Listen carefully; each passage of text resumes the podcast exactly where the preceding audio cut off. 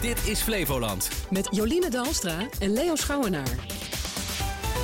Goedemorgen. Oh, wat een dag was dat zeg. Ja, gaat het weer een beetje met je? Fantastisch. Ja, hè? Ja, ik was echt wel onder de indruk. Hoe het allemaal ging. Eh, een koning die zelfs zo enthousiast was om maar te beginnen de Floriade... dat hij een beetje te vroeg was, hè? Ja, tien voor twee had hij zijn handtekening al in het boek gezet. Ja, maar geen enkele stress. Nee hoor, het ging allemaal helemaal soepel. Uh, Beetje en van protocol afwijken ook. eh, ja, Ja. heerlijk. Beetje soepel. Ja. ja, en die voorstelling natuurlijk, hè. Prachtig gisteravond. Heb je nog gezien? Ja, ik heb eh, deels gezien. Moest hij weer vroeg zijn natuurlijk, anders kon Eh, hij aan joh, uurtjes echt staan. waar? Ja, Ja. ja, dat gebeurt wel eens eh, met uh, vroege radiopresentatoren. maar ik, ik ben niet wakker geworden van een grote knal nog. Dus meestal bij vis vis toch een grote Ja, knal? dit, wel een dit was gewoon een lang spektakel. Oh, ja, ja. ja, ik heb het ook niet helemaal afgekeken. Hebben we daar verslag van in, in dit programma? Jazeker. Ehm Oh. Ja, je hoort eh, wat, wat kinderen die eraan mee hebben gedaan. Leuk. Eh, en natuurlijk publiek, hè, dol enthousiaste reacties. Ja, mensen waren echt onder de indruk, vonden het mooi. Daar hoor je straks meer over. Maar eerst de politiek meerderheid in de Provinciale Staten wil geen datacenter in Zeewolde. Dat werd gisteravond duidelijk. De meerderheid van de partijen in Provinciale Staten wil geen datacenter in Zeewolde. Dat werd gisteravond duidelijk tijdens een commissievergadering in het provinciehuis in Lelystad. Een bijdrage van verslaggever Arend Dubbelboer.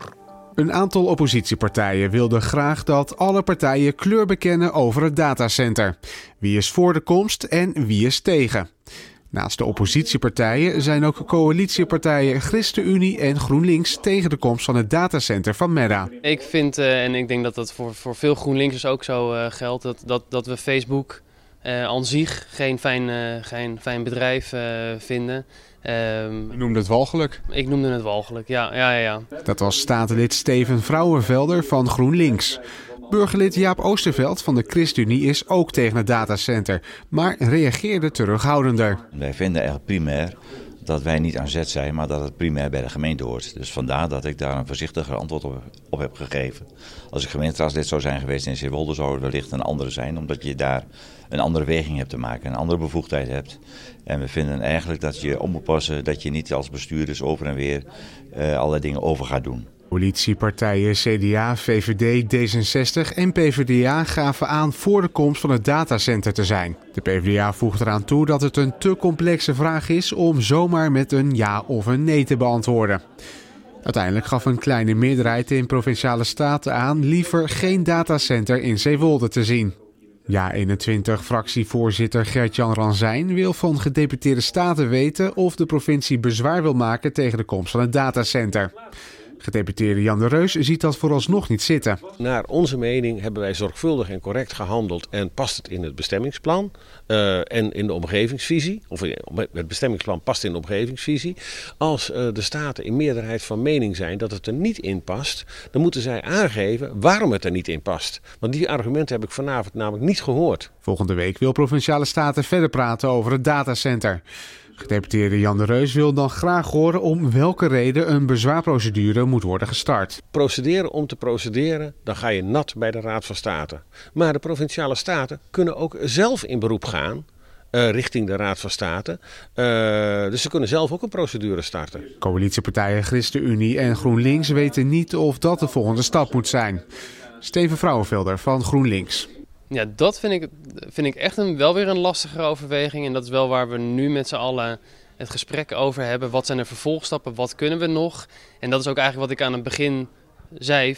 Ja, is het, is het bij ons? En, en ik denk dat we die vraag nu proberen te beantwoorden en kijken eh, of we er iets mee kunnen. Ehm, ik, dat vraag ik me af, maar ik be- ben daar erg benieuwd naar. En ook Jaap Oosterveld van de ChristenUnie weet nog niet wat zijn partij wil. Dat ga ik eerst met de fractie bespreken, want er zijn een aantal nieuwe gegevens die ik ook eh, met de fractie wil overleggen.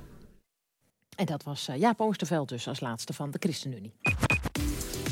Goedemorgen, dit is Flevoland met Joline en Leo.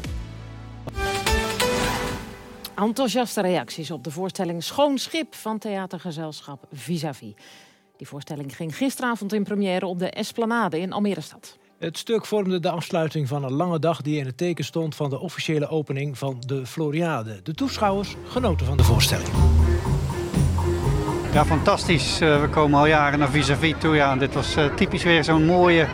Ja, met al die onverwachte effecten. Gewoon heel leuk om te zien. Dus eh, ja, we hebben er echt van genoten, denk ik.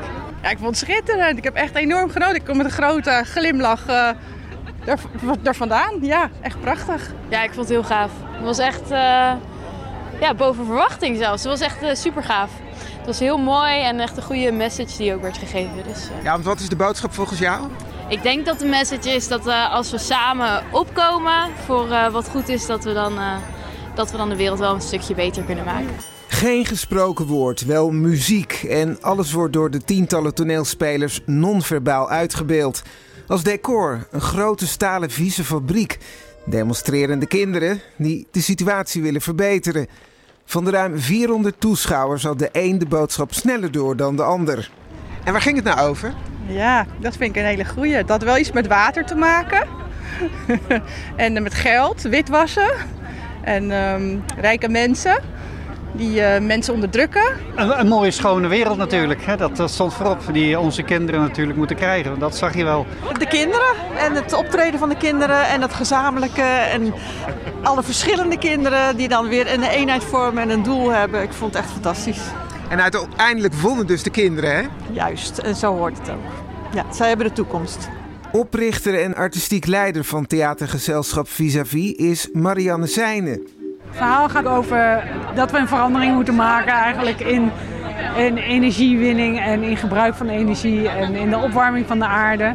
En wij laten twee meisjes zien. De een is uh, privé bezig om eigenlijk een vieze fabriek in te komen. Maar die wordt echt met de hardheid eruit geslagen. En een meisje die bezig is met maatschappelijke problemen. Een soort Greta Thunberg, zeg maar. Die zich druk maakt over dat het niet goed gaat met deze planeet. En deze twee lijntjes komen samen.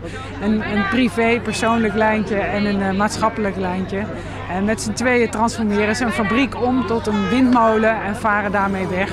Een van de demonstranten wordt gespeeld door de 11-jarige Sarai Geerking. Ik was Rosa en ik speelde het meisje dat de broodtrommel aan mijn vader moest geven, maar dat lukte niet. En werd ze tegengehouden door de um, directeur en de wachter. En dan zag ik dat er een hele grote tribune was met heel veel mensen die daar zaten. Was je zenuwachtig? Nee. Heb je wel vaker ergens gespeeld of op school? Uh, op school doen we soms schoolmusicals. Uh, en ook met de theaterschool gaan we soms ook optreden. En hoe heb je je voorbereid? Nou, ik heb vooral heel veel steun gehad door mijn vrienden. Um, ja, Hanna, Maya, Romy en nog veel meer. Um, uh, we hebben ook heel vaak geoefend en vaak het script doorlezen. Er komen nog twee voorstellingen van Schoonschip. Aanstaande vrijdagavond en zaterdagavond op de Esplanade in Almere. Ja, en het is dus zeker de moeite waard. Ja, gisteravond kon je het ook uh, live zien bij ons natuurlijk, hè? Ja. Ja, fantastisch. Echt wel inderdaad wat mensen zeggen vis-à-vis. Ja. Nieuws en informatie uit je eigen regio. Dit is Flevoland. De meest kansrijke coalitie op Urk is een verbond van de SGP, het CDA en de ChristenUnie. Dat meldt informateur Nathanael Middelkoop in zijn eindverslag. Deze combinatie heeft 12 van de 19 zetels in de Raad van Urk. Nathanael Middelkoop. De uitkomst die ik als informateur, dus heel nadrukkelijk niet als vertegenwoordiger van de SGP, uh, nou heb geadviseerd vanavond in de Raad, is een coalitie die ik als meest kansrijk acht. En dat betreft de SGP, het CDA en de ChristenUnie. Hart voor Urk was partner in de vorige coalitie, maar die samenstelling lijkt nu niet de voorkeur te hebben. Dat was inderdaad eh, de partner in de vorige coalitie. Er is in de gesprekken, en zo staat het ook in het eindverslag, ook uitgevraagd van wat is eh, de, nou ja, de wenselijkheid van een eventuele voortzetting van de huidige coalitie, waar Hart voor Urk dus wel onderdeel van uitmaakt. En daarvan heeft de meerderheid aangegeven dat dat in ieder geval geen automatisme is, waarmee dus uh, ja, alle kaarten op tafel lagen. Het gesprek wordt dus voortgezet met het CDA. Middelkoop wil niet vooruitlopen op de inhoud van die gesprekken. Nou, kijk, dat is uh, natuurlijk aan de formerende partijen. Daar uh, uh, kan ik als informateur geen uitspraak over doen. Het is wel zo dat zij verkiezingsprogramma allemaal hebben. Dat zal ongetwijfeld de inbreng zijn. En in ieder geval heb ik als informateur op inhoudelijk vlak geen gronden gevonden waarop ik zeg deze combinatie van partijen nou, gaat niet leiden tot een, tot een college. Wie voor welke portefeuilles wethouders zal gaan leveren, is ook nog onderdeel van het gesprek, zegt informateur Middelkoop. Dat zijn echt vragen die aan de orde komen tijdens formatiegesprekken. Daar zullen de partijen onderling uit moeten komen. Het is wel bekend wie namens de verschillende partijen ook de wethouderskandidaten zijn. Dat is eerder al door hen zelf ook gecommuniceerd. Ehm, maar goed, ehm, hoeveel wethouders uh, en hoe uh, de portefeuilleverdeling et cetera er allemaal uitziet, is echt iets uh, voor de formatiefase. De gesprekken gaan verder op dinsdag 19 april of woensdag 20 april. Het is volgens Middelkoop nog te vroeg om te zeggen wanneer er een nieuw college gepresenteerd kan worden. Goedemorgen, dit is Flevoland met Jolien en Leo. Van buiten Flevoland. Om de koopkracht te verbeteren moeten ook bedrijven kijken wat ze kunnen doen. Minister Schouten van Armoedebeleid roept de werkgevers op om te onderzoeken of de lonen misschien omhoog kunnen. We zien dat eigenlijk de lonen nog, nou ja, in, in veel CO's, als ze al worden afgesloten, dat ze nog, toch nog een beperkte stijging hebben. Uh, en dat is natuurlijk wel in de sectoren waar dat mogelijk is, zou je denk ik ook moeten kijken uh, wat voor ruimte daar nog zit. Nou, ja, wat was de inflatie? 12 procent, toch? Ja. Nou, dan moeten de lonen met 12% omhoog. Maar dat gaat toch niet gebeuren? Nee, de laatste in de zorg is de hoogste die ik hoorde, 8. Ja, nou ja, dat is nog vier tekort. Dan kom je een beetje in de buurt. Maar die minister heeft natuurlijk uh, makkelijk uh, praten. Ze zijn haar centen niet. Nee, dat is zo. Het kabinet uh, neemt maatregelen om uh, ja, toch wat te doen. Hè, dat uh, die koopkracht achteruit gaat en die hoge inflatie. Maar ja, al die maatregelen zijn zeker niet genoeg om alles te kunnen compenseren natuurlijk. Terugdringen van de CO2-uitstoot in Nederland stokt. Vorig jaar was er voor het eerst in zes jaar weer een minieme stijging. Dat kwam door een belangrijk deel door de kolencentrales. De centrale in Eemshaven stoten in 2021 zelfs twee keer zoveel CO2 uit dan een jaar eerder. En dat is geen goed teken, zegt de Nederlandse emissie hebben wij die? Ja, de Nederlandse emissieautoriteit. Uiteindelijk gaat het erom dat we in 2030 echt fors naar beneden gaan met onze uitstoot. Maar je hoopt natuurlijk dat je ook op weg naar 2030 al die stappen zet. En dan is een, uh, ja, een, een, stagnatie van de daling uh, toch geen goed nieuws. De verwachting is dat de uitstoot van kolencentrales dit jaar wel daalt, want ze mogen nu nog maar 35% van hun capaciteit benutten. De 62-jarige man die wordt verdacht van een schietpartij in de metro van New York is opgepakt. Na een klopjacht van 30 uur wist de politie hem te arresteren. Voorlopig is hij alleen nog verdachte, maar toch is er opluchting dat hij vastzit. Moments ago, Frank Robert James was stopped on the street and arrested by members of the New York City Police Department. We hope this arrest brings some solace to the victims and the people of the city of New York. Groot verschil hè, wat hier gebeurt. Zijn naam wordt gewoon volledig genoemd. Ja, twee voornamen en een achternaam. Dat is echt ongelooflijk. Dat gebeurt natuurlijk hier niet. Nee. Um, ja, hij zou Nou, in een uh, metrostation een rookbom hebben gegooid en om zich heen hebben geschoten. Tientallen mensen raakten gewond. Het is onduidelijk wat zijn motief was. Volgens de politie is hij in het verleden vaker opgepakt voor geweldpleging. Duizenden asielzoekers met een verblijfsvergunning moeten te lang wachten op gezinshereniging.